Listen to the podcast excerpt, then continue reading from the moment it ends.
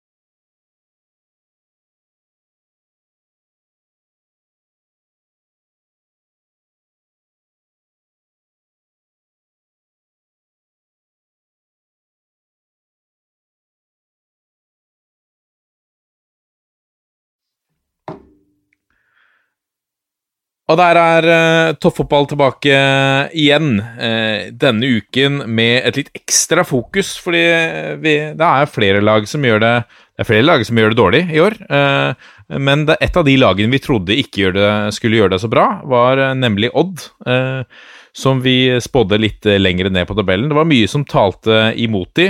Eh, det var eh, altså en, eh, vi må kalle han en, en Odd-legende. Dag Elle Fagermo forlot eh, Skien, eh, satte kursen for hovedstaden. Det samme gjorde Torgeir Børven. Mange levnet Skiensklubben tøffe, tøffe tilstander i Eliteserien, men eh, så etter to eh, strake tap så trodde vi jo også at vi hadde truffet med tabelltipset. Eh, det kunne se litt sånn ut, men de ville det annerledes. Jan Frode Nordnes og den gjengen der nede. Og da eh, må vi jo benytte anledningen, fordi eh, det er ikke så veldig mye å lese om Odd i riksavisene og i de store mediene. Eh, jeg har ikke noe abonnement på Varden selv, lokalavisa nede i eh, telemarksområdet der, så da må vi jo hente inn ekspertise, selvfølgelig. Eh, Therese Tokstad Berg, du er eh, sportsjournalist, skrevet litt for, eh, for eh, Josimar, Dagbladet, eh, og, men er viktigst av alt en svoren Odd-tilhenger. Velkommen. Tusen takk for det. Veldig hyggelig å bli invitert. Du er veldig blid. Kan det ha noe med, ha noe med serien å gjøre, eller? Ja, sett bort fra tapet mot Molde nå i helga, så har det vært en veldig, veldig bra vår. Ja. Altså, hvor overrasket er du? Kan vi begynne å spørre med det? Ja, det er jo ganske overraskende. Som nevnt i introen her, så hadde jo Odd eh, null poeng etter de to første kampene. Først hjemme mot Sandefjord, nyopprykka Sandefjord, som vi alltid slår på Skagerrak Arena. En bortekamp i Drammen hvor, hvor vi tapte, så så det ikke veldig lyst ut. Og allerede da så begynte det å komme spørsmål om Nordnes var riktig mann for klubben. Så ja, jeg er veldig overraska, og jeg så jo at dere i toppfotballen hadde tippa Odd på en tiendeplass. Uh, Det er lenge igjen ennå. Det er lenge igjen. og samtlige, samtlige av de som har tippa, tippa Odd ganske langt nede, så Ja, vi var, vi var, jeg, Nei, vi var vel kanskje en av de som tippa de høyest. Å ja, var vi det? Det var uh, Jørgen Kjernås, har du oversikt over tipsene? Var vi, de, var vi rausest med Odd? Jeg, veit ikke om det var mye rundt midten. Uh, men ti, hadde vi dem så langt ned? Jøss. Jeg tror jeg hadde de på sju, jeg, så da får det sitte noen andre her som har trukket dem godt ned, tenker jeg. så Det er sikkert han fra samme fylke. Samme fylke, altså. For noe piss. Det skal vi komme nærmere tilbake til, faktisk. Um, da, det, er, eh, det gleder vi oss til, Therese, å få høre mer om eh, Odd og, og dine tanker om hvorfor det går så bra i, eh, i år. Kanskje det er en lettelse, da, etter at Dag Eller Fagermo har forlatt byen. Ja, det var jo lenge med tolv år, 12 år, så det var jo på tide å bytte trener. Ja, for det begynte å bli litt slitne. Ja, det var, har vært litt delte meninger om Fagermo de de siste årene. Noen elsker han, mens andre begynte å bli ganske lei. Han er jo en fargeklatt, og det er jo det Odd har savna, savna før vi fikk inn han. Det var ganske traurig med Sandstø og Gaute Larsen en god periode der. Det var ikke så mye som ble skrevet i media, så får du en Dag Eilif Fagermo som leverer eh, overskrifter på løpende bånd. Det er jo en gavepakke til journalistene, og får jo satt Odd fram i media og på kartet igjen. Vi skal snakke uh, masse mer om Odd, og mer om deg også, Therese. Men nå er det duket for uh, ukens tulipan og kaktus. Nå må de faen meg skjerpe seg, så kommer jeg å rive hodet av hver enkelt av dem.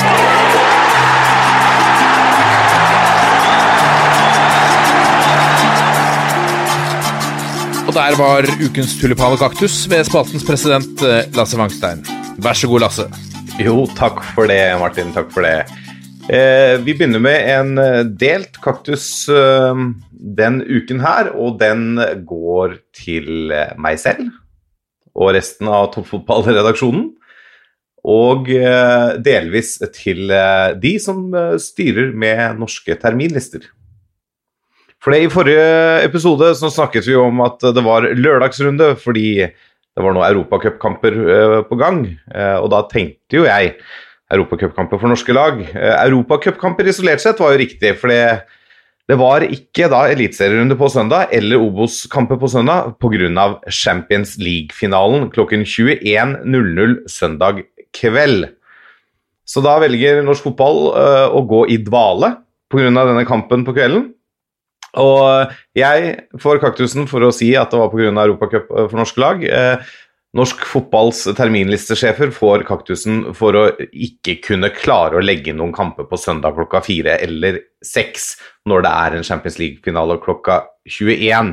Da er det ikke akkurat sånn at det, det blir mindre enn 200 på tribunen fordi at det spiller Champions League klokka ni. Jeg tror vi hadde klart å fylle de 200 plassene uansett. eh, Og hva gjelder TV, så tror jeg også man hadde klart å fullføre en sending klokken åtte, og så fått fokus på en Champions League-finale, som da ble sendt på to kanaler som ikke har rettigheter til Eliteserien eller Obos-ligaen. Så jeg er glad i lørdagskamper, altså for all del, men jeg er også veldig glad i søndagskamper, spesielt når jeg ikke kan dra på stadion. Så at det hadde rulla godt noen Obos-kamper og et par eliteseriekamper på søndag, kanskje litt tidligere enn vanlig, det burde vel ha vært mulig, Ja. Tenker jeg da. For, eh, ja. Jeg, jeg, jeg, forstår, jeg forstår jo at de ønsker å styre det unna, at det ikke skal kollidere. Det syns jeg jo er, er klokt, da. Ja, ja, men det kolliderer jo ikke når kampstart uh, i Portugal er klokken ni. Nei, nei Du kunne spilt Obos-liga klokka 16, da. Ja. Vært ferdig tre timer før kampstart. Der nede. Men altså, sånn er det jo ofte. For det, det er jo dette med at du skal ikke spille når det er disse Champions League-kampene og sånn. Men uh, du ser jo Jeg syns jo veldig ofte, bl.a. Sverige, at det er mye Superettan og litt sånn på Champions League-kvelder, gjerne samtidig. Så noen Uefa-medlemmer er vel mer opptatt av å følge reglene til punkt og prikke enn andre der, virker det som, da. Ja, altså selv den spanske ligaen lig, øh, spilte jo kamper samme dag som Nei, den franske, mener jeg. spilte jo kamper samme dag som et lag fra Frankrike spilte Champions League-finalen. Så det hadde jo vært mulig å gjennomføre Norge, tror jeg, da. Så ja. Eh, tulipanen går til en hjemvendt og delvis utskjelt helt i Stavanger og Viking. Eh, det er Veton Berisha. Han ble henta tilbake fra Brann for mye penger og fikk mye kritikk, også fortjent, i starten av sesongen, men har nå svart på tiltale og har skåret fem mål og levert én målgivende nå sist mot uh, Strømsgodset på de siste fem kampene sine. Det er solid, eh, har virkelig våkna til liv og er en eh, viktig brikke for dette vikinglaget nå, som har eh, kommet eh, litt ned i sumpa, men har nå i hvert fall fikk en seier sist og har to uavgjort før det, så det kan jo hende at trenden har snudd i Stavanger, og det er viktig for de å få i gang eh, Berisha.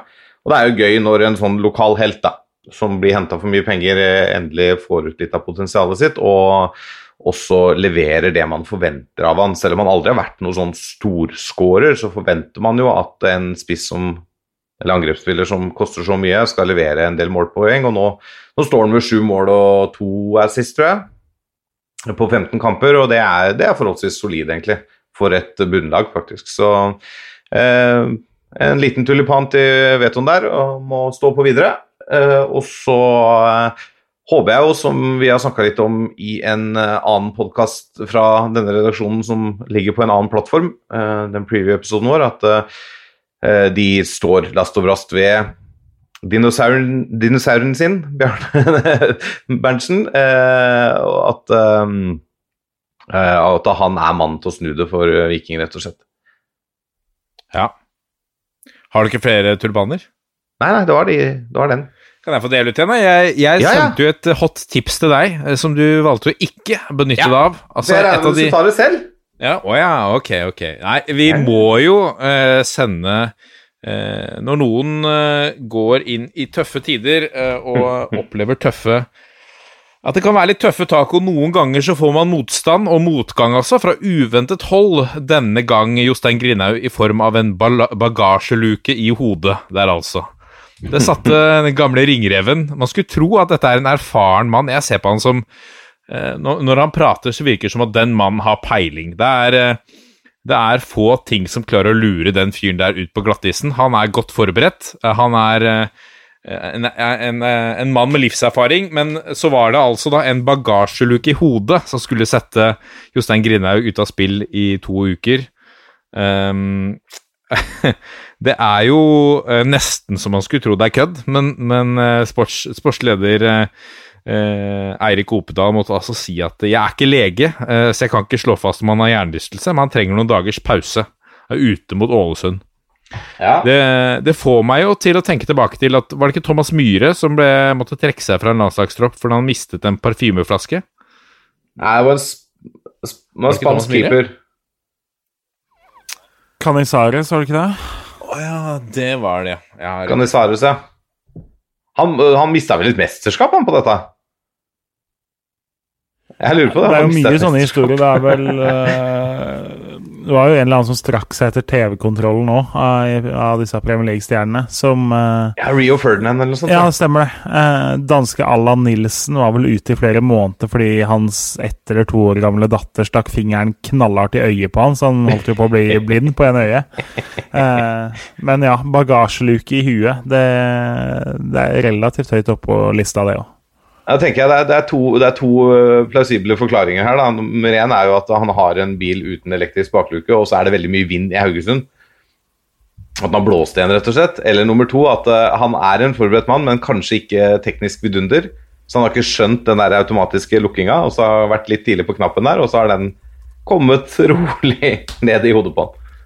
Er vanskelig å se for seg hva Vi må rett og slett få Jostein Grindhaug på banen på et eller annet tidspunkt. Altså for Hvis vi skal ta høyde for eh, at eh, ikke alle fotballtrenere på toppnivå i Norge er tekniske vidundere, da ref eh, nåværende caretaker-trener caretaker i Rosenborg, Henriksen, som Rambo, som får kona til å ta ut ta ut analyseklipp på en USB-stikk, så er det klart at eh, jeg tror ikke det er den tekniske kunnskapen som står i høysetet hos alle disse gutta som flyr rundt og skriker på sidelinja.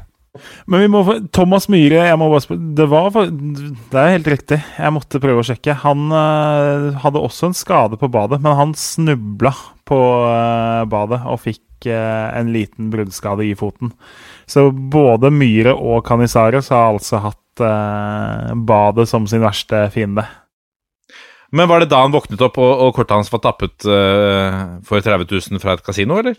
Var det en annen, var det en annen gang? Nei, det var vel en annen gang, vel. Ok. Dette er toppfotball. Og så må vi bli litt eh, bedre kjent med deg, Therese, og snakke litt mer om Odd. Fordi vi er jo alle Altså, vi er ikke tause av beundring, men, men vi må jo kunne si at uh, så langt så har dere gjort uh, tabelltipset vårt, i hvert fall, til skamme. Uh, hva tenker du nå? Ligger dere på, på tredjeplass? Tap i toppkampen, altså, mot, mot Molde. Se bort fra det, så er dere jo et, et virkelig formlag. Eh, vi er det, helt klart. Nå frykter jeg litt Rosenborg, som er i, er i dytten, men uh, de, uh, de skal vi ta i år. Ta revansj fra i fjor. Odd lå jo på tredjeplass helt til noen av de siste minuttene, da Rosenborg spilte hjemme mot Ranheim, og Ranheim leda faktisk, men Rosenborg slo det på Slo de helt på slutten, så dytta Odd ned til den sure fjerdeplassen. Det er klart at etter null poeng på to kamper og Børven som går til Rosenborg etter runde fire, så det ikke spesielt lyst ut. Og det at Odd da henter Mushaga Bakenga, er vel ikke den største, største navnet inn som skal erstatte Børven. Men eh, det har jo gått brukbart. Når man også kan legge til eh, Tobias Lauritzen, som skulle ta over etter eh, Børven, som er ute med ankelbrudd der etter eh, et par kamper hvor han endelig skal komme og fylle skoa til Børven, så er jo det ekstra Så det ekstra mørkt ut. Men det har gått fint. Spørsmålet er jo hvor lenge det varer. Men hva sier det da om, om eh, stallen? Er Dere har liksom mistet eh, Mistet Dag Eile Fagermo, mistet Torgeir Børven, mistet nå Tobias Lauritzen. Det er viktige personer som er Oldrup Jensen gikk jo til Vålerenga, som på midten der, og som var en viktig, viktig spiller for, for Odd i fjor. Eh, Men det viser jo at man har gode spillere som kan komme opp og ta, ta roller. Og jeg syns det har vært morsomt å se på Odd i fjor. Odd i år kontra Odd i fjor. Jeg syns man spiller mye mer offensivt enn det man gjorde i fjor. og det er jo det Dag Eilef har fått litt kritikk for de siste åra, er jo at han har spilt litt mer defensiv fotball. Så det man kan ta med seg fra den Molde-kampen eh, nå borte, borte i Molde, er at Odd spilte ganske en, en god fotballkamp. De var offensive, særlig i første omgang. Og det jeg litt savna tidligere på de toppkampene på bortebane i Bergen, i Trondheim, i Molde, er at hjemmelagene har fått styrt, og at Odd har vært veldig baktunge. Så sånn sett så var det, det var et veldig, veldig surt tap mot Molde, men samtidig så syns jeg at Odd skal ha for innsatsen.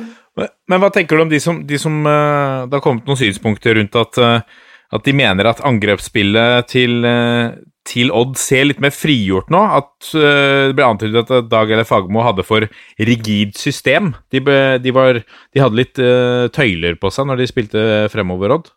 At det åpnet seg litt? Ja, um, de har jo fått friere roller, som du sier, og jeg syns de er mer oppsøkende. De er mer på å utfordre på ball og løpe på kant og legge inn og Som eh, Nordnes har sagt til lokalavisene også, han har satt fokus på at eh, alle kan skyte. Skyt! Og vær med på, um, på angrepsspillet. Når man ser på Odd i år, så er det jo Torgeir Børvensen som som toppskårer med seks skårede mål.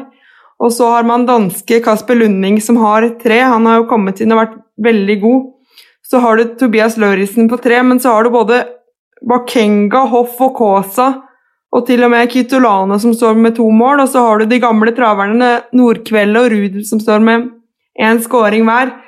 Så man har ni målskårere i år, og det er noe man har savna i, i, eh, i de siste åra. Det har vært veldig Odd har vært veldig laget som har lent seg på en spydspiss på topp, og det har jo vært sånn i mange mange år. Du har hatt Frode Johnsen, du har hatt Peter Kovac, du har hatt Oliver Ocean og nå Torgeir Børven, som ble toppskårer i Eliteserien i fjor. Så jeg syns det er veldig fint å, å se at ja, Odd solgte Børven og Lauritzen er ute med ankelbrudd, men du har gutter der som slår i posisjoner til å skåre. Og det kan komme fra hvem som helst. Og til og med fått uh, Bakenga altså, tilbake på skåringslista. Han har jo fått prøve seg også i både Ranheim og Tromsø uten å finne helt ut av det. Hva, hvordan er stemningen i garderoben nå? Uh, tror du du, uh, du, er jo aktiv i Oddrane, men jeg vet ikke hvor mye i garderoben du har vært. Men hva er inntrykket ditt? Uh, inntrykket mitt er at det er en spillergruppe som kjenner hverandre godt. Og de har tatt godt vare på de nye. Det er veldig mye de har det gøy sammen.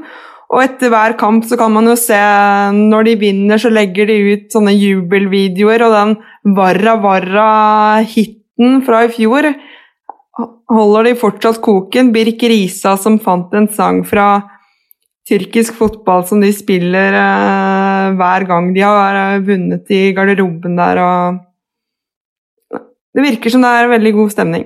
Og at gutta har troa på det de gjør.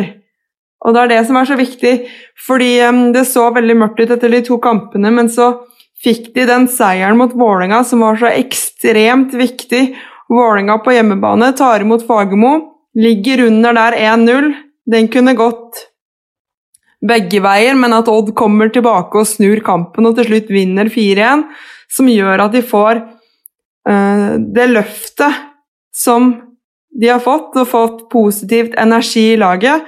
For det var veldig mye snakk om Odd etter runde to, at alle hadde spådd i nord og ned og er Nordnes riktig mann. og Det var mye negativitet og murring i laget, samtidig som det ble stilt spørsmål til sportsdirektør Tore Andersen om hvordan man håndterer kontrakten til spillere i laget. Du hadde Torgeir Børven som ikke, ikke ville signere, om han skulle selge, om han skulle holde han ut løpet. Du har jo hatt en situasjon med Philip de Laveres i fjor, du har hatt en uh, situasjon med Seknini Så det var mye der som, som murra litt, og derfor var det så fint å komme i den flytsonen som Odd gjorde. Og det var jo særlig deilig å vinne mot Fagermo.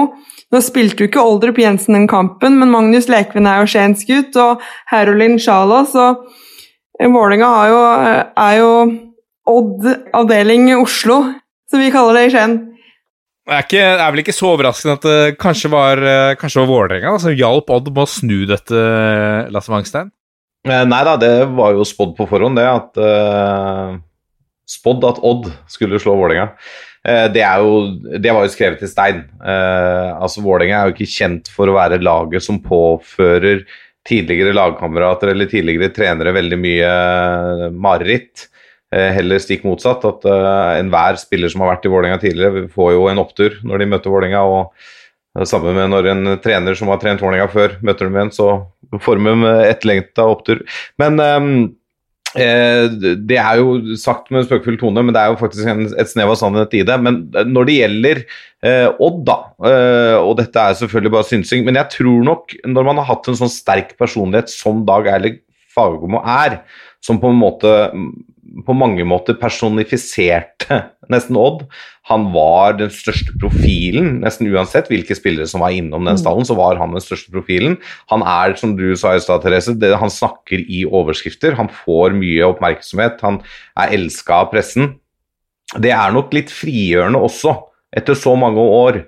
Eh, man har jo også hørt om det om andre trenere som eh, fremstilles som eh, ekstremt krevende, men krevende i den krafta at de, de krever mye av omgivelsene for å lykkes, men at de bryr seg om mye og de, de tar mye plass, så blir det frigjort noe energi, da. Og jeg, det jeg er mest imponert over med Odd, er at de klarte å snu den starten. Eh, for at det så veldig mørkt ut, og det, det, det ligna jo ingenting i de to første kampene. Og for så vidt egentlig heller ikke i noen av de treningskampene i forkant, men uh, plutselig så får de selvtillit, og så har de klart å bygge videre på den selvtilliten og ikke latt seg knekke av tilbakeslag som Børven-salg og Lauritzen-skade og sånne ting. Um, det er veldig lett å glemme at uh, Fredrik Semberge har vel fortsatt ikke vært på banen i år. og Han er liksom en, en av de kanskje viktigste krumtappene i det laget. Der har jo Bjørtuft kommet inn og gjort en uh, strålende innsats. Så nei, jeg er imponert over det de holder på med i Skien. Og jeg syns jo det er gøy som fotballelsker å se at lag gjør uh, spådommer til skamme. Uansett om de heter Odd eller noe annet. Men du ser jo bare på gamle spillere som Steffen Hagen, som Espen Ruud, som står som bautaer, og man ser Steffen Hagen som veldig, veldig rutinert spiller. Jeg har nesten aldri sett han bedre enn han er nå. Ja, det er jo en fin miks i den stallen her. Av liksom det unge pågangsmotet, talenter og noen eldre, erfarne herremenn som uh, har vært ute vinterdag før, da. Så um, i tillegg til at det er klart at Odd har jo en av Eliteseriens beste keepere akkurat nå. Og Det skaper en trygghet, det òg. Både for uh, unge og gamle forsvarsspillere foran seg og, midtbanespillere. Så uh, nei, det er, mye, det er, mye, som klaffer i Skien om dagen. og um, det, det hadde, jeg, hadde, jeg, vært Odd-supporter, så hadde jeg nytt det kontra å For jeg ser jo det, og dette er jo en liten sånn ja, Ikke en moralsk pekefinger, men det er en liten pekefinger til enkelte som bruker veldig mye tid på han som var. Det er liksom veldig viktig å påpeke at de er bedre enn Fagermo.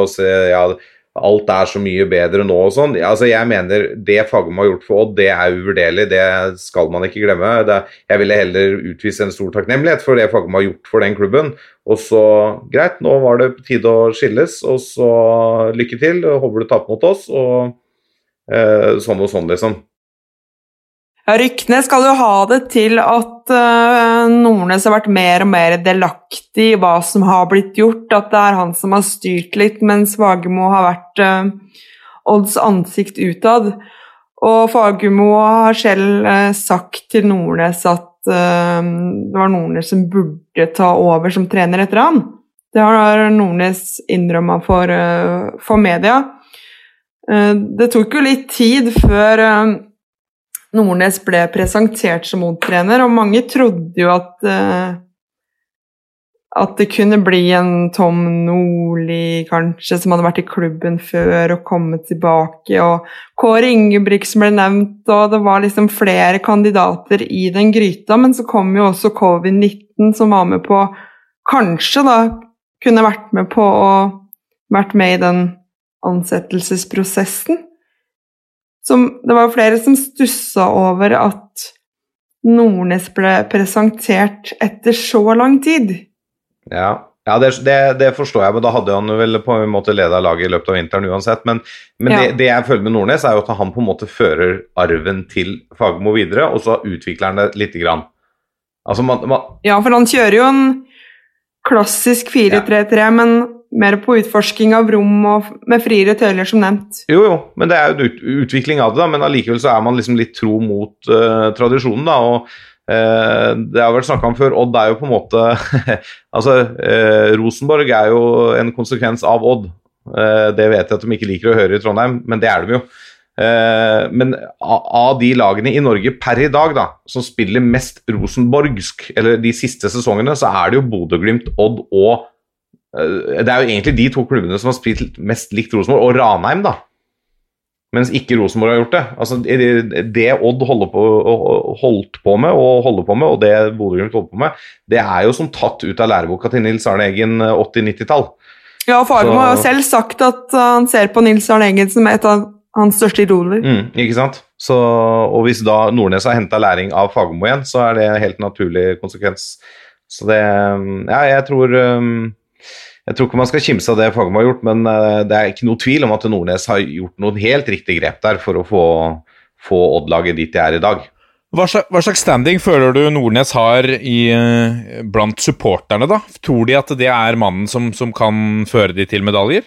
Det var litt sånn splitta i starten, men samtidig nå er jo entusiasmen tilbake. Han er jo en klubblegende. Han har jo 172 kamper for Odd og var der i sju år, og nå har han vært i eh, tolv år som assistenttrener under Fagermo, så det er jo det er en fordel at han kjenner klubben, og så er det jo fint at han ikke er samme type som Dag Eili, for folk er litt sånn trette av det. Um, så jeg tror um, at det kan bli bra på sikt. Men uh, er Hvordan er det å holde med et, uh, et lag da som uh, altså Nå har Fagermo forsvunnet. Han, han tiltrakk seg jo litt overskrifter, snakka i overskrifter, som Lasse sa. nå er dere tilbake der til å få like mye omtale i rikspressen som Kristiansund, som Uh, altså Stort sett de fleste lag, med unntak av da de, de tre-fire største klubbene og, som kommer fra de største byene. Ja, men det er jo litt sånn at media styres jo av clickbates. Og Skien Ja, det er jo ikke, ikke så mange supportere i, i, det området der. Men uh, det er greit også, etter tolv år med, med Dag Eilif, så det er jo mye rart han har sagt. Og det er ikke alt man kan stille seg bak og sånn, så av og til så har det vært noen utspill han har hatt som har vært ganske tåpelige. Så jeg syns det er greit nå med, med litt sånn mediepause, så kan de fokusere på, på det gode Odd gjør. Men det er jo selvfølgelig veldig, veldig trist å se hvis Odd har spilt en veldig, veldig god fotballkamp, og at det da blir eh, vinkla mot det andre laget, f.eks., som var dårlig. Ja. ja. Det er, skjer, vel, uh, skjer vel ganske ofte. Um... Men jeg savner ikke at uh, Fagermo klager på dommeravgjørelser eller uh, andre sånne ting. Nå var det jo en del um, situasjoner i Molde som kan diskuteres, men da hadde Nordnes sagt at dommerne har en vanskelig jobb å gjøre. De står der der og da, mens vi som eksperter kan se episoden i, i repeat antall ganger. Så det er jo en stikk motsatt av Fagermos mediestrategi. Ja. Men, men, tror du ikke at eh, om noen år så skal dere gjerne ønske at Nordnes begynner å melde litt? Kanskje han vokser i rollen, hvem vet? Men har, du, har, har Oddrane, eh, Odd-supporterne, har, de, har, dere noen spillere eller trenere eller klubber som dere misliker? Dere har jo liksom ingen sånn lokale Jeg vet ikke om Nei, det har vært Sandefjord som er vår eh, Som er det nærmeste laget, men Sandefjord er et jojo-lag som annenhver sesong spiller i Eliteserien og, og Obos-ligaen. Så det har jo vært litt godset Godset Odd. Og særlig godset har vært etter Odd siden eh, Fagermo dro fra Drammen eh, og til Skien. Det var de ikke så veldig fornøyd med der, men da fikk de jo Deila, som gjorde, gjorde det godt. Så er det jo litt der Rosenborg eh, lillebror, som man enkelte jodderne liker å kalle de. og Um, originalen er bedre enn kopien og sånn blir jo sunget på både bortebane og hjemmebane når vi møter de. Og så er det jo blitt VIF, da. Og særlig nå med, med Fagermo. Og så er det jo en spiller som Odd ikke liker, eller på vegne av meg selv og Oddrane Oslo, så er det jo Dønnum. Aron Dønnum, ja. Aron Dønnum. Dønnum.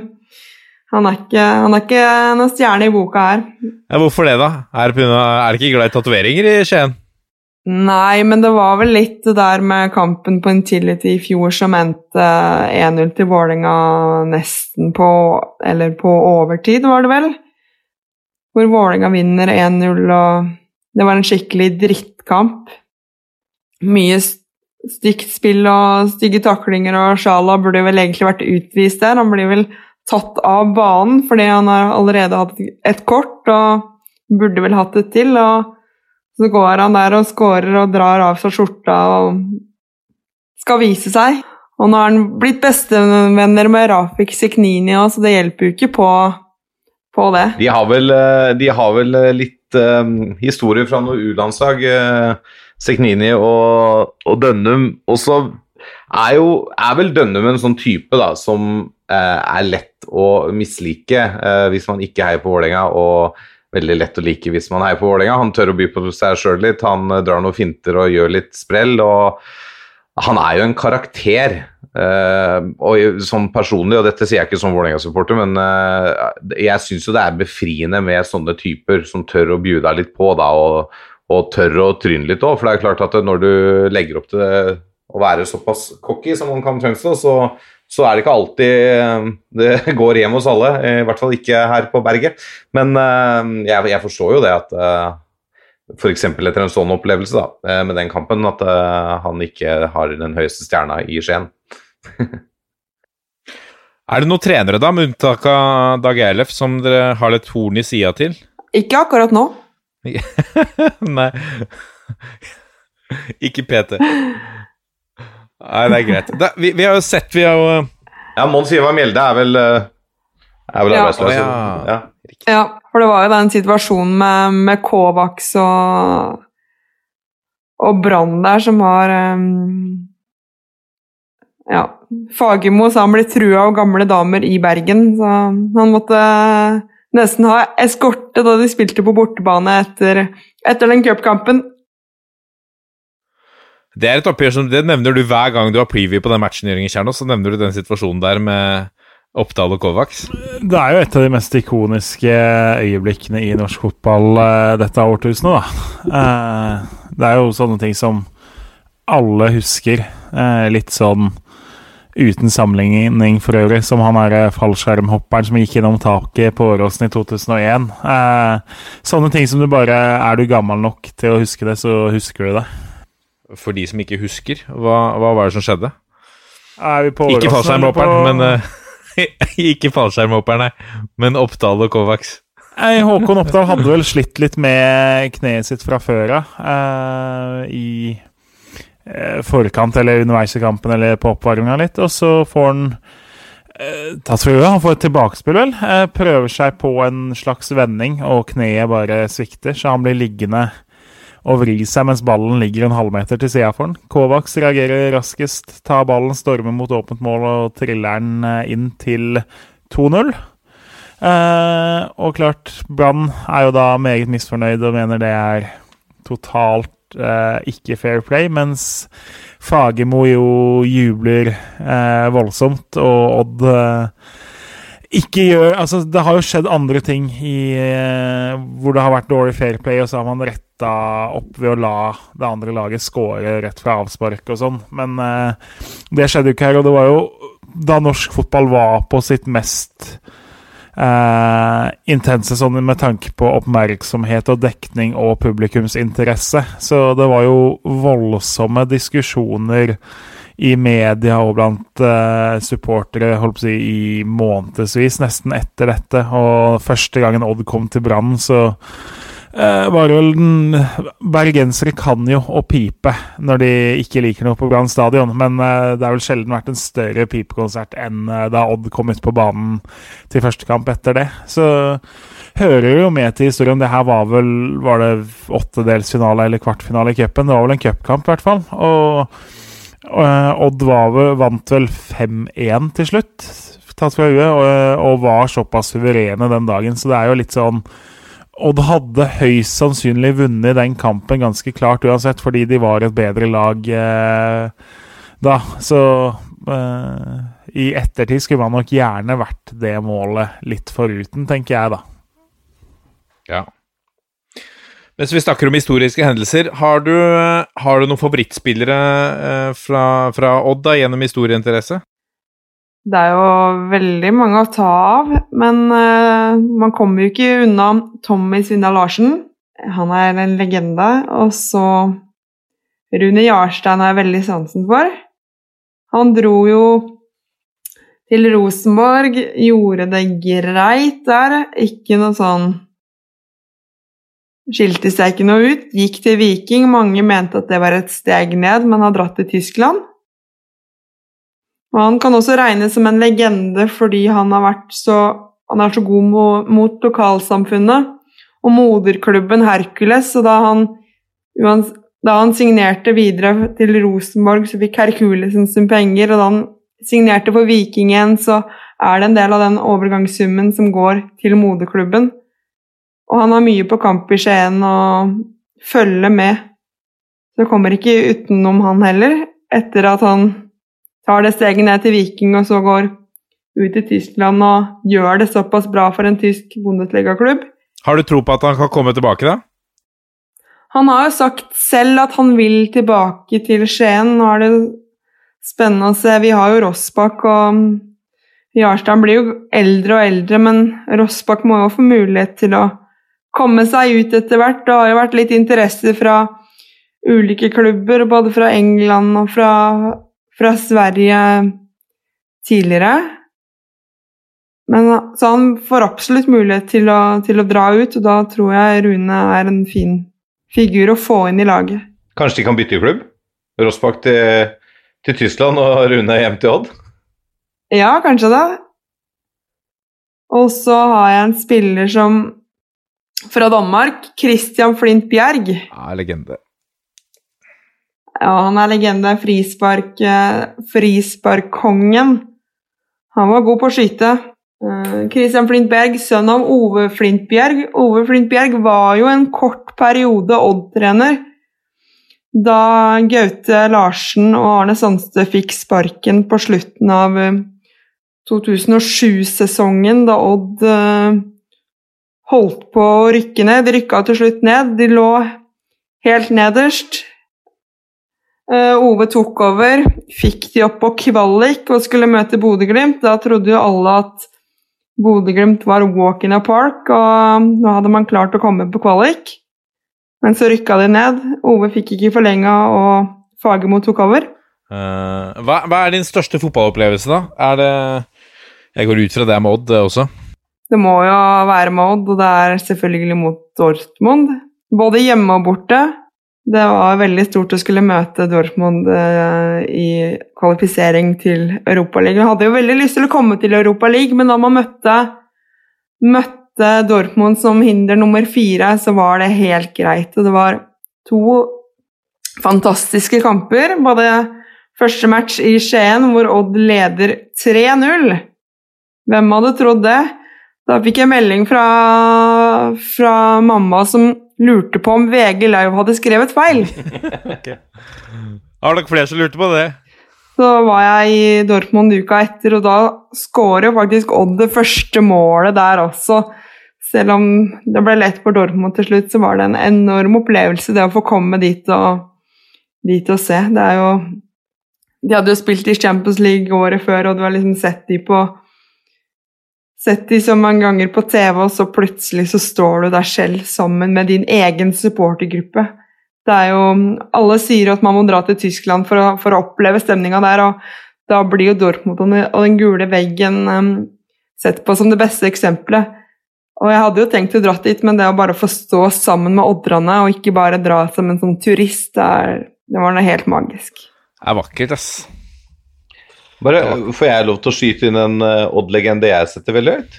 Absolutt. Erik Holtan. Erik Holtan, ja. Det er jo selvfølgelig en Vålerenga-relevans der. Okay. For han avslutta karrieren sin som innbytter i 2005. Da, var da erstatta han vel da nettopp Rune Jarstein, vel? ja. Eh, og fikk de siste ti minuttene i den kampen som da til slutt gjorde at Vålerenga vant sitt foreløpig siste seriegull. Og det På, sies, på gamle Odd stadion. på Gamle Odd stadion. ja. Det sies jo da, jeg var jo der sjøl og dekka kampen for eh, viffotball.no, eh, det sies jo da at han bevisst drøyde tid, fordi at han ville heller at gullet skulle gå i retning hovedstaden enn til Kristiansand. så han måka ballen til innkast og tok seg god tid. Og så for oss så er jo Erik Holtan en legende. Ja, Erik Holtan er uten tvil en legende om å ha spilt mange gode kamper for Odd, men han ødela litt for seg selv da han fikk penger for å stå to eh, kvalikkamper eh, for Bryne da Bryne skulle møte eh, Odd. Stemmer det. Det stemmer det. Han var innom Bryne. Så da ble det sett på litt Judas. Jeg vet ikke hvor mye penger han fikk for det, men eh, jeg håper han angrer på det mm, den dag i dag, for det ødela litt. Men han har jobba i NFF Telemark og har vært litt med før han da dro til eh, Østfold og Sarpsborg, så det er glemt litt nå. Men hadde Bryne vunnet uh, vunnet over Odd i de kvalikkampene der, da hadde han vært uh, blant de største Judasene, tror jeg. Hvis du hadde vært fotballdiktator, og dette er en gjenganger som vi stiller mange gjester Hvis du hadde vært fotballdiktator i NFF og kunne bestemt ting uten at noen kunne stoppe deg, hva ville du Hva er det første du ville gjort? Det er mye som kan endres litt på i NFF, men når det gjelder supportere og sånn, så er det jo det med pyro. Um, at man jobber for å få til det. At de på, på tribunene Selvfølgelig ikke pyre som man vil, men eh, under visse former, men ikke så kontrollert som i dag at man må drive og søke om tillatelse, for da er det uh, veldig stor forskjell fra klubb til klubb um, om hvem som får lov til det. Og noen har jo f.eks. Lillestrøm, Godset, Vålerenga De har jo gode koordinatorer, eller de er vant til det, men f.eks. kan man søke om pyro på Skagerrak Arena, så er det så lett å få, få nei, og det er en kamp, og da kunne NFF ha gjort, gjort noe med det, da. Hvorfor mener du det er eh, så mye vanskeligere for dere på en måte å søke enn en de? Nei, men det handler jo om, eh, om hva klubben godtar også, hvilke, hvilke delegater man har eh, som kan være på kamp, og, og hvor mye også de, eh, de delegatene har vært med på, på sånne rammer før. Og så er det vel også, tror jeg, litt med hva det lokale brannvesenet og politiet sier i sånne saker. Men jeg, jeg er jo helt enig. Eh, Jeg ville jo f.eks. helst sett at man kanskje fikk en eh, godkjennelse for sesongen. Som gjaldt for sesong, og så har man noen retningslinjer å følge. Sånn kan dere sende pyro eller bruke pyro som dere vil i løpet av denne sesongen. Og Da er det innafor et rammeverk, og går man utover det rammeverket, så er det klart da kanskje kommer det sanksjoner om at det blir innskrenka neste år, eller sånne ting. da. Men At man på en måte har en sånn ramme å forholde seg til, og så kan man velge når man ønsker å bruke det. Det er ikke alle kamper det er like aktuelt på, selvfølgelig, sikkert, å, å bruke like mye pyro. Så det er jeg enig i det. Nei, men Pyro er jo med på, en, på å skape en god øh, Ja, et godt arrangement. Da er det noe norsk fotball trenger, så er det litt det derre rammene rundt kampene også. Fordi uh, tilskuerantallet har øh, Har jo ikke vært på topp i de siste åra. Det, det daler jo, og folk har, får det jo hjemme i stua. Så jeg skjønner jo det en øh, høstkveld hvor det pissregner, at det er mer behagelig å sitte inne. Fordi det gir meg ikke så veldig mye ekstra det å dra på, på stadion. Nei, også, er det, det, er, det, det er, handler jo ikke om at liksom, pyro skal være derfor folk går på stadion, men det handler om totalopplevelse, det handler om stemning eh, og hele den pakka der. Også, det er jo ikke tilfeldig at rettighetshavere og TV TV-selskaper bruker veldig mye pyrobilder i sine slowpakker, eller høydepunktpakker, fra runder eller i oppkjøring til sesong når de skal på en måte reklamere for neste kamp. Altså, det er jo alltid pyrobilder der hvis det er noe å ta. Det er ikke tilfeldig, vet du. Nei, for jeg har jo representert Odd i Norsk Sporterallianse. Vi har jo årsmøte hvert år i januar, og da er det alltid den samme diskusjonen. Da kommer det en fra NFF og Men det blir liksom ikke noe framstøt. Man Det skjer liksom ingenting. Men føler du at eh, Det er jo interessant, for det har jo Det kulminerte jo, det kan vel hende det, eh, det går en stund eh, til neste gang vi får se at supporteralliansen møter NFF til debatt. For det gikk vel Det gikk jo ganske dårlig, ganske dårlig må vi kunne si, for, for NFF sist. Ja, jeg, jeg hadde kvia meg for å møte, for å møte han fra Stabæk uh, i noe debatt der. Det var flaut å se på. Eh, er jo litt det inntrykket man får da man hører supporterne. Så hører man at eh, det er en del som klager på det at ikke de føler at de blir tatt på alvor fra NFF. Dere er jo de som skal være med på å eh, og som du sier, da, forbedre, forbedre liveopplevelsen. eh, støtten og sesongkortholdere. Altså eh, Det er et så viktig element. Da føler du at dere blir anerkjent på den måten dere fortjener av Fotballforbundet? Nei, jeg, jeg gjør ikke det. Og mm, det fører jo til at folk blusser eh, når det passer de. Det er jo mye smugling av bluss inn på tribunen. Man så det jo på den kampen uh, Vålerenga-Brann i fjor, hvor det tok litt, eh, litt overhånd der, og blusset ble kasta ned ned på banen og sånn, så man får litt dårlig rykte også, da på den der blussinga, så noen blir jo skeptisk, men det er klart at hadde man fått fått lov i større grad innenfor rammeverk, så ville man også hindre slike situasjoner å oppstå. Så har vi bedt deg sette opp din fire norske fotballstjerners middag, Therese. Du er eh, en av stjernene og skal invitere tre eh, andre nåværende eller tidligere fotballprofiler. Det kan være alt fra spillere, trenere, journalister, eksperter osv. Døde så vel som levende. Det som er til felles, er at de må ha en betydning for norsk ball. Hvem har du plukka ut? Eh, Ja, det er en veldig vanskelig oppgave, for det er jo veldig, veldig, veldig mange å ta av. Men da starter jeg med Frode Johnsen. Ja, Og han er veldig god på, på å synge Elvis. ok.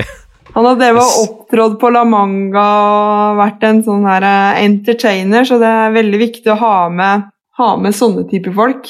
Um, og så har jeg tatt med Pamodoka, kongen av Tøyen. Og så har jeg faktisk tatt med mm, Tete Litbom fra Heia fotball-podkasten. Ah, For jeg syns han er morsom type, morsom, eh, morsom trønder. Til tross for at han holder med Tottenham, så um, har han fått lov til å komme på middag hos meg. ja, for du er jo ikke det må vi jo, Selv om vi, vi ser jo ikke på annen idrett selvfølgelig her i denne podkasten enn det norske, men, men eh, ja, bare unntaksvis. Men, men du er jo også særdeles aktiv i Arsenals eh, supporterklubb. Det stemmer.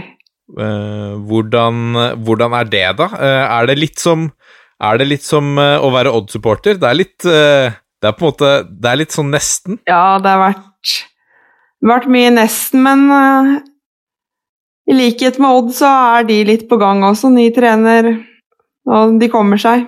Før du eh, forteller menyen i uh, Firestjerners middag uh, Europacupkamp mellom Arsenal og Odd. Hvem heier du på, selv om alle tror Arsenal vinner? Jeg må jo si Odd. Ja, riktig svar.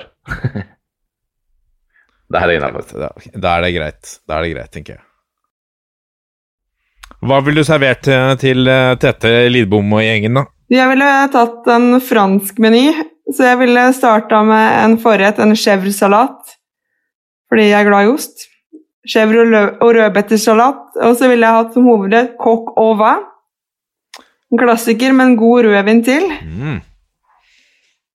Og så ville jeg avslutta med en sjokolademousse. Det er ikke dårlig, det. Det er, tror jeg er en av de bedre menyene vi har hørt, Lasse. Ja, det, det er helt oppe på pallen her, altså. Det nikker, det. Det er gjennomført, i hvert fall. Det har det ikke vært så mye av, eh, Nei, det er sant. må vi kunne si. Det har vært ymse. Det har vært ymse. Dette er toppfotball. Og så har vi fått inn noen lyttspørsmål. Ehm, eh, det er Altså, det er, vi må adressere dette fra styrmann, som sier Er det ikke rart hvordan Odd virker mye mer sympatiske år i år? Gudene vet hvorfor. Jeg har vel vært innom det. Det er vel ikke så vanskelig å skjønne det. Vi har vært uh, innom det. Uh, Vegard Bjørgå spør, uh, eller stiller spørsmålet, Lasse Mangstein um, ehm, Er dette første gang en talsperson i Odderane har uttalt seg utenom til lokalmedia? Ja, det, det er vel det.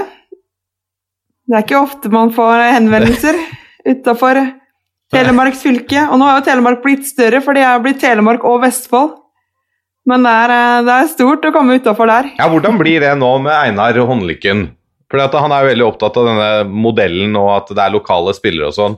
Det har jo plutselig åpna seg en helt ny verden, da, i hvor eh, nedslagsfelt for innhenting av spillere.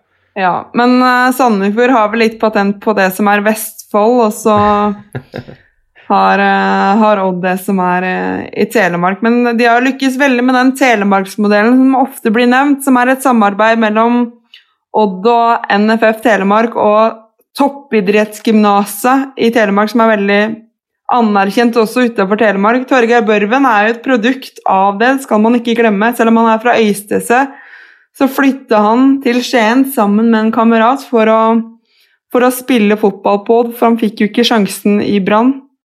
Kameraten lykkes ikke, men uh, Torgeir Børven har jo gjort det solid, han. Absolutt. Det var jo Amund Lutnes uh, sitt spørsmål, det, om det blir uh, Vestfold- og Telemark-modellen i Odd. Og det er også med, med, med den telemarksmodellen at spillere og trenere i Odd har, tar litt ansvar ut mot klubbene, drar på klubbbesøk, kjører treningsøkter, og at de ikke vil ha folk inn i akademi fra, fra tidlig alder. da at man skal prøve å være lengst mulig en breddeklubb, sånn at det blir skapt eh, konkurransedyktighet, at gode spillere er fordelt på ulike lag. Så vil det bli større konkurranse når man spiller, sånn at man spiller hverandre gode, så man kan bli plukka opp til å bli gode spillere fra 15-16-årsalderen av og da kjøre opp i akademiet.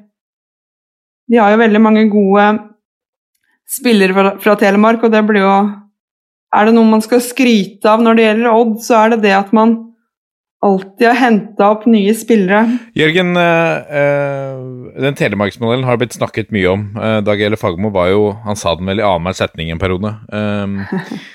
Eh, eh, men, men er, det, er de best på den type modell i, i Norge? Altså Rosenborg har jo et godt samarbeid med trøndelagsklubbene. Dette er vel en ting som, som f.eks. Vålerenga ikke har mestra like godt? Nei, forskjellen Ja, for å svare på det du egentlig spurte om, så er jo at Odd har jo utvilsomt gjort den modellen veldig godt. Og eh, fått veldig bra eh, tilbakebetaling i form av at det er mange som har kommet opp gjennom den modellen.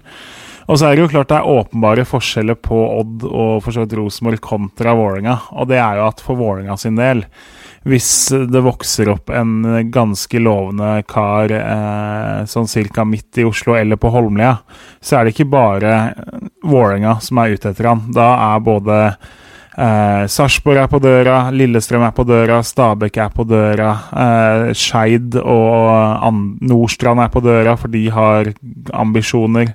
KFUM er på døra. Så mens hvis det kommer en Filip Jørgensen opp i Kragerø, så er det på en måte ikke så veldig mange eh, andre lag enn Odd som banker på døra.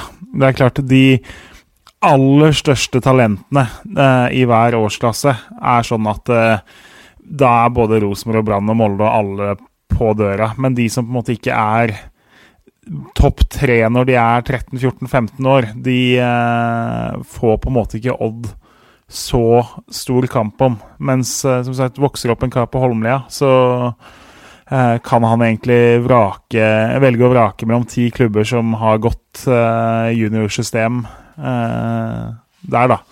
Og så er det klart, uh, det er ikke bare å få inn talentene når de er 14-15-16 år og skal starte på videregående og sånn. Jobben starter jo da, egentlig.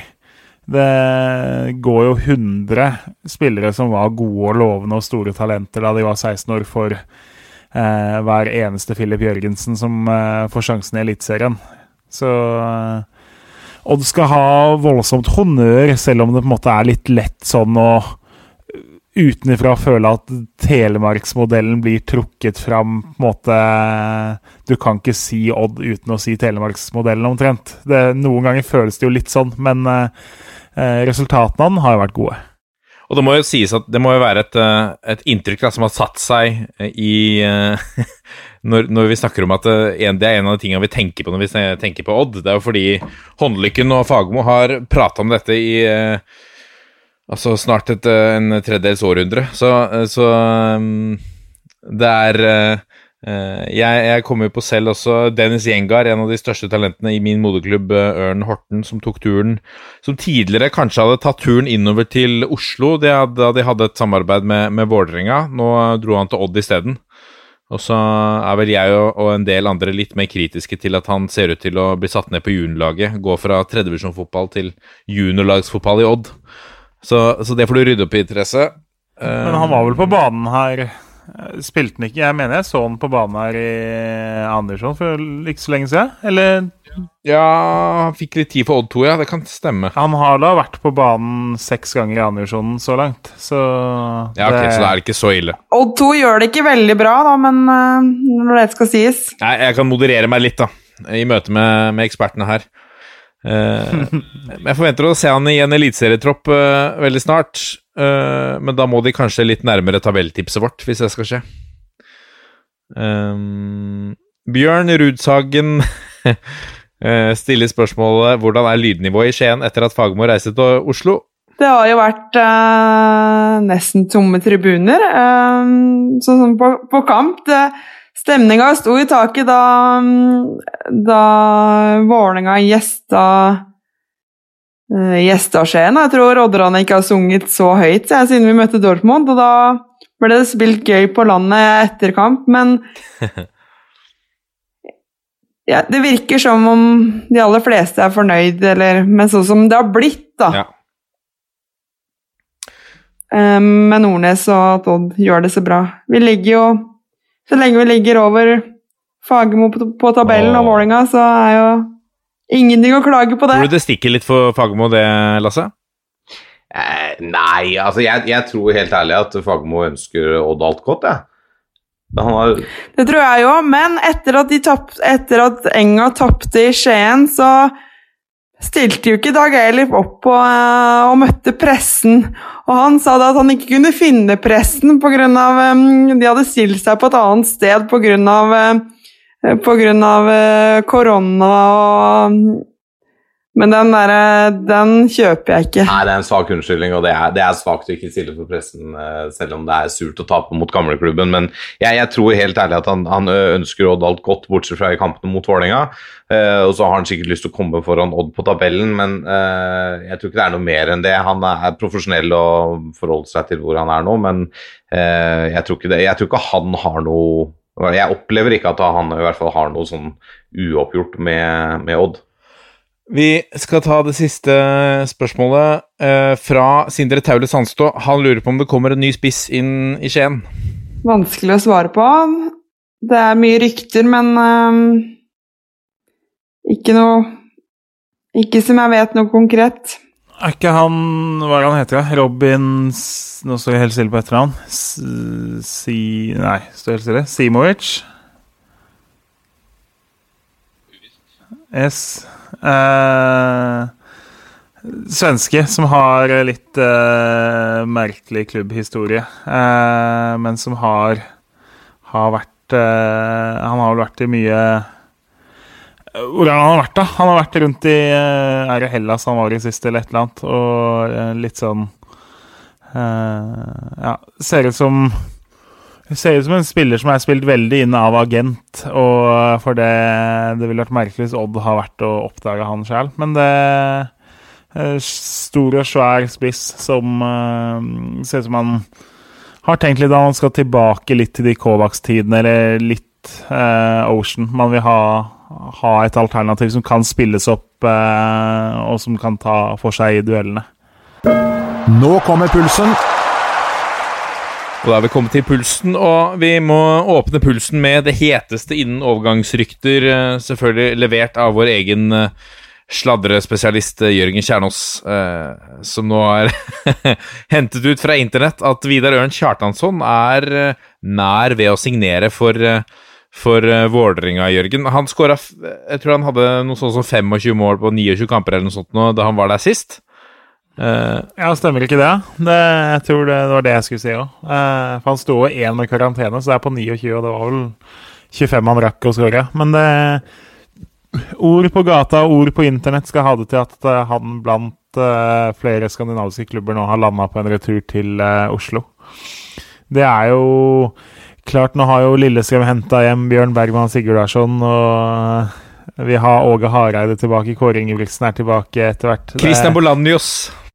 Christian Bolander, det begynner å bli en ganske ok måned for at gamle legender eh, returnerer nå. Det, det fylles opp med navn som har prega norsk fotball sterkt. Og det er klart, Ørn Kjartanssons eh, sesong, den ene han hadde i Oslo, er vel blant de desidert mest imponerende sesongene en enkeltspiller har hatt av sesonger noensinne i norsk fotball. Det er helt vanvittig. Hva, hvordan eh, Altså, du Hvordan har du det, Lasse? Nei, jeg har det Det er, det er sånn at altså, For et par dager siden så snakket jeg med noen som er in the know, da, som man sier. Eh, og da var beskjeden at eh, Norge var rimelig uaktuelt for Vidar Ørn Kjartansson, bl.a. pga. skatteregler og bla, bla, bla. Og liksom Så man kunne leve i håpet, men eh, de så på andre destinasjoner. Eh, nå snur jo ting veldig fort i fotballen, og det har vi jo erfart eh, tidligere. Men jeg, jeg, tør ikke å tro på dette før jeg får bekreftelsen fra klubb. Selv om det er troverdige kilder ute og går nå. Det sies jo fra han øh, svenske øh, fyren på Twitter at det, det er flere, det, det er i hvert fall én klubb til inne i bildet, men han øh, kanskje har takka nei til noen og sånn. men og så, jeg, og så blir jeg sånn akutt skeptisk til den der hente gamle helter eh, som har kommet litt opp i åra-variant. Og det er vel den erfaringen man har fått etter mange år som Vålerenga-supporter. Det, det, blir jo ikke 25 mål på 29 kamper igjen. Eh, ikke sant? Det, det, blir jo ikke det samme, men herregud, for en eh, signalsignering det hadde vært. og hvis, du, hvis det stemmer at uh, Dønnums gode venn Siknini, som bor hos Dønnum om dagen, også signerer i løpet av i løpet av dette lille høstvinduet vårt også, så begynner det jo faktisk å eh, bli voldsomt spennende, denne spillerstallen til Vålerenga. Så nei, jeg, jeg krysser jo fingre og sitter og trykker på refresh-knappen her for harde livet. Um, nå håper jeg ikke stopper opptaket, men, um, men dette er Ja, uff, det er spennende. Hva tenker du om altså Hvor høyt står Afik Seknini i kurs hos deg, Therese, han, hvis han velger da uh, Vålerenga framfor uh, Odd? Odd velger han jo ikke, men uh, han er ikke så godt likt i, i Skien. Han, ja, han, gjorde det jo stort mot, uh, da han fikk spille mot Dortmund og fikk kometkarriere. Og blei litt høy på seg selv. Fagermo var jo veldig opptatt av å jekke han ned og skjerme han for media og skulle lære han litt om hvordan ting fungerte, men han har jo ikke gjort det på riktig måte. Han har jo hatt Han har jo ikke vært heldig i de klubbvalgene han har hatt. og Kom jo tilbake i Norge, har vært i Rosenborg og gjorde det ikke bra der heller, så vi får se, da. Hvordan han kommer til å gjøre det i Vålerenga. Litt en smule bitterhet i stemmen der. Kan jeg spore det? Kan det stemme? En smule bitterhet, ja. Men samtidig så Nei da, ønsker han alt godt. Så lenge han ikke gjør det bra for mot Odd. Men nå mangler det bare da, Therese. Dette er jo comeback-sesongen comeback over alle comeback-sesonger. Nå venter vi på at Rune Jarstein signerer. For Vålerenga sin del så er jo klart Seknini Det er jo litt med tanke på to ting. Det ene er jo at Dønnum er såpass attraktiv at han kan forsvinne i løpet av en måneds tid. Og det andre er jo at Bård Finne har utgående kontrakt, og selv om han har en ganske solid uh, antall mål i Vålerenga, så har han jo på en måte aldri slått sånn 100 til, og i hvert fall liksom ikke som kant i 4-3-3. Så når han da er ikke den billigste spilleren i Eliteserien heller, så tror jeg jo Vålerenga teller veldig på knappene med tanke på å finne. At kanskje Fagermo føler mer at Seknini er en spiller som har et større uforløst potensial, og som han kan få mer ut av, som han trives mer med å kunne bruke på en venstrekant. da. Så jeg syns jo det er veldig naturlig å tenke seg at eh, Sekhnini kan havne der. Og sånn som karrieren hans har vært de siste sesongene, så står jo ikke klubbene rundt om i Europa liksom på døra hans og banker ned, banker ned døra for å få han til å signere for dem. Så for Sekhnini sin del så tror jeg jo det hadde vært meget lurt å kjøre en restart i Oslo. Men det passer jo perfekt, da, fordi Fagermos oppdrag er jo å innføre Telemarksmodellen inn til Oslo, sånn at man får en Odd-avdeling i Oslo i Vålerenga. Ja, på god vei der nå. Enda en uh, telemarksgutt på vei uh, inn. Um, vi går, Det blir spennende å følge det. Vi går uh, videre da, til A-troppene for Lars Lagerbäck og Leif Eh, Får jeg bare lov å skyte inn en ting, Martin? Eh, Dette er Odd-relevans, og det må vi ha i dag. Det har vært eh, styremøte i Skien i dag, og det har blitt ens enstemmig vedtatt at eh, det er etablert Odds ballklubb kvinner. Ah, vakkert! De overtar Fossums lag lisens og plass i andredivisjon, og budsjettet i 2021 er anslått til drøye tre mil. Gratulerer. Takk, det blir jo spennende å se, fordi Odd har jo ikke Eller Skien har jo ikke hatt eh, De har hatt Fossum, men ikke eh, damelag på toppnivå. Så har det vært Uredd i Porsgrunn som har vært det store, så det blir jo spennende å se, da. Når Odd går inn for å satse på, mm, på damelaget, og hva skjer med Uredd da? Skal de kjøre noe sammen, eller hva de velger på sikt? Jeg har lykkes godt i Trøndelag, i hvert fall. Så langt. Det må kunne si.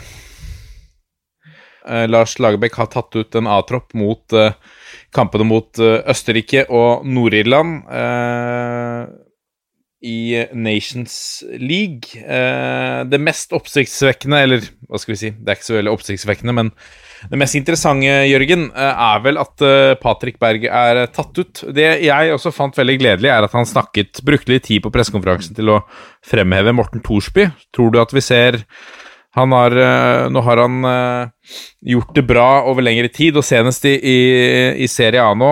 Tror du at vi får se mer av han på midtbanen for, i disse to kampene? Ja, jeg er i så fall litt spent på å se hvor han tenker Thorsby passer. Fordi kanskje ikke Lagerbäck nødvendigvis ser han for seg som én av to sentralt. Men han eh, er jo veldig glad i å bruke opprinnelige sentrale midtbanespillere ute på kant også. Og Thorsby har jo bl.a. bekledd en wingback-rolle i Serie A. Så eh, i en tropp som jo mangler kantspillere, så kan det fort være der Thorsby har størst sjanse. Og så er det jo selvsagt fortjent at eh, Patrick Berg er med, fordi eh, eh, selv om både Sinkernagel og Hauge i større grad stjeler overskriftene, så mener jeg at Berg er den beste spilleren i Eliteserien eh, så langt. Og så er det litt igjen om han passer til å være én av to på midten for eh, Norge, er jeg usikker på. Og det er nok eh, mest et uttak for at Lagerbäck skal få se han og på en måte bli kjent med han, og at Berg skal få bli kjent med landslagsomgivelsene og få være med når det tross alt bare er Nations League det er snakk om. Så er jo ikke Jens Petter Hauge med. Det er jo kanskje den nest største snakkisen. Eh, det henger vel også litt sammen med det at nå er det tatt ut 25 mann på A-landslaget.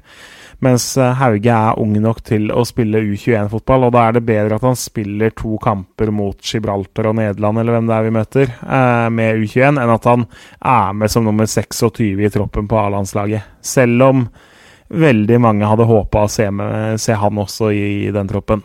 Ja, eh, Lasse.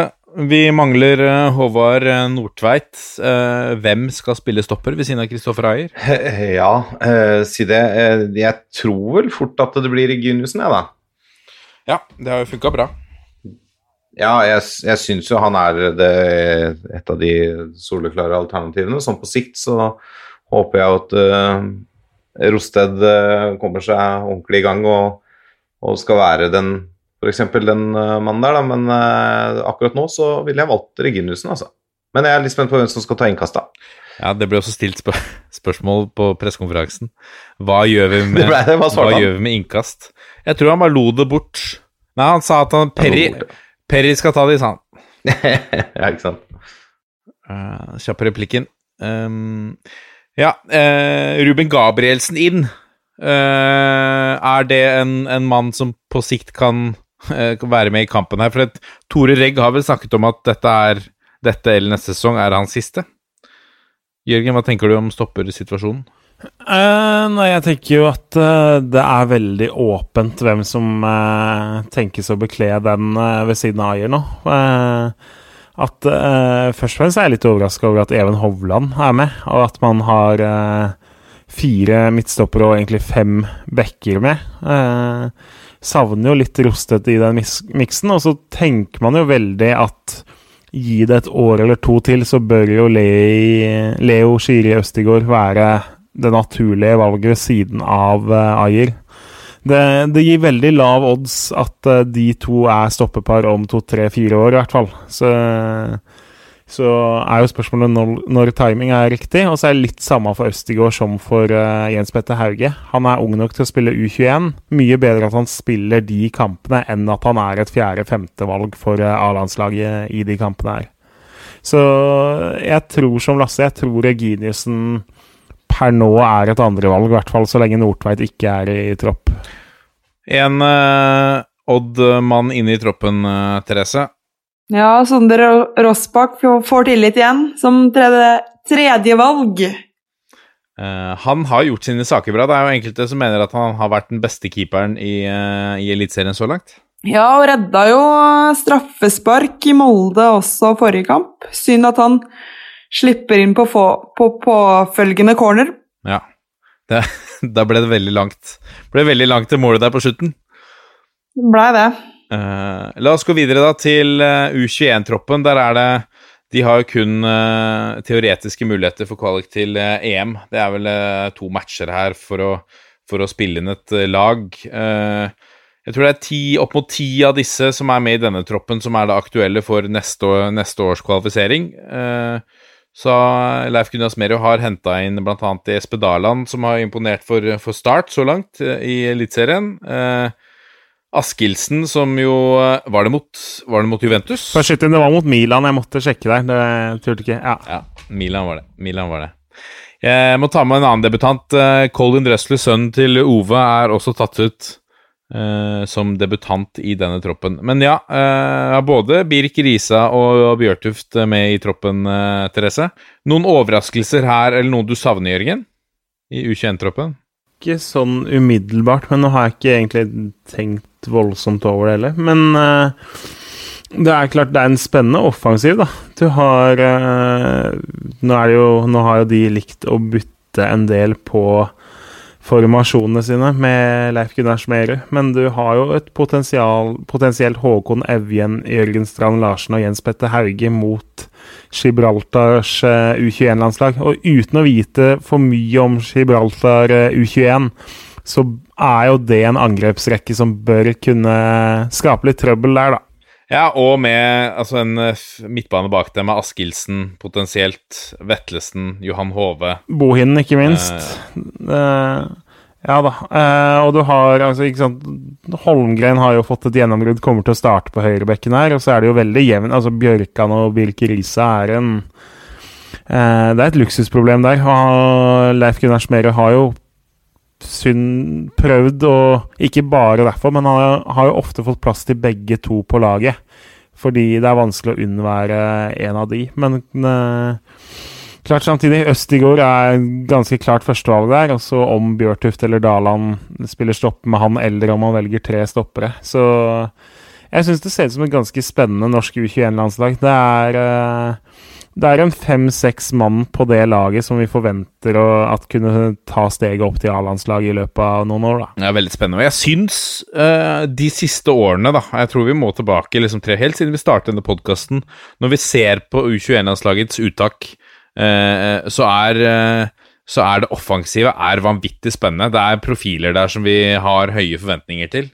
og det lover veldig godt for, for, for framtida.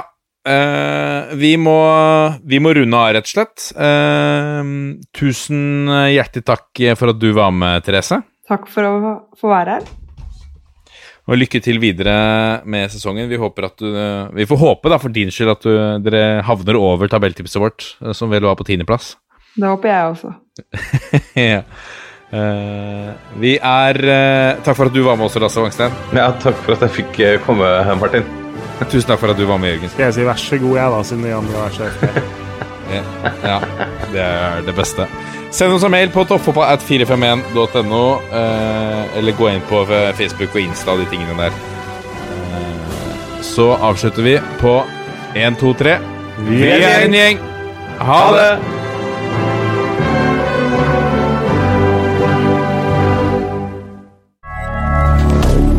Moderne media.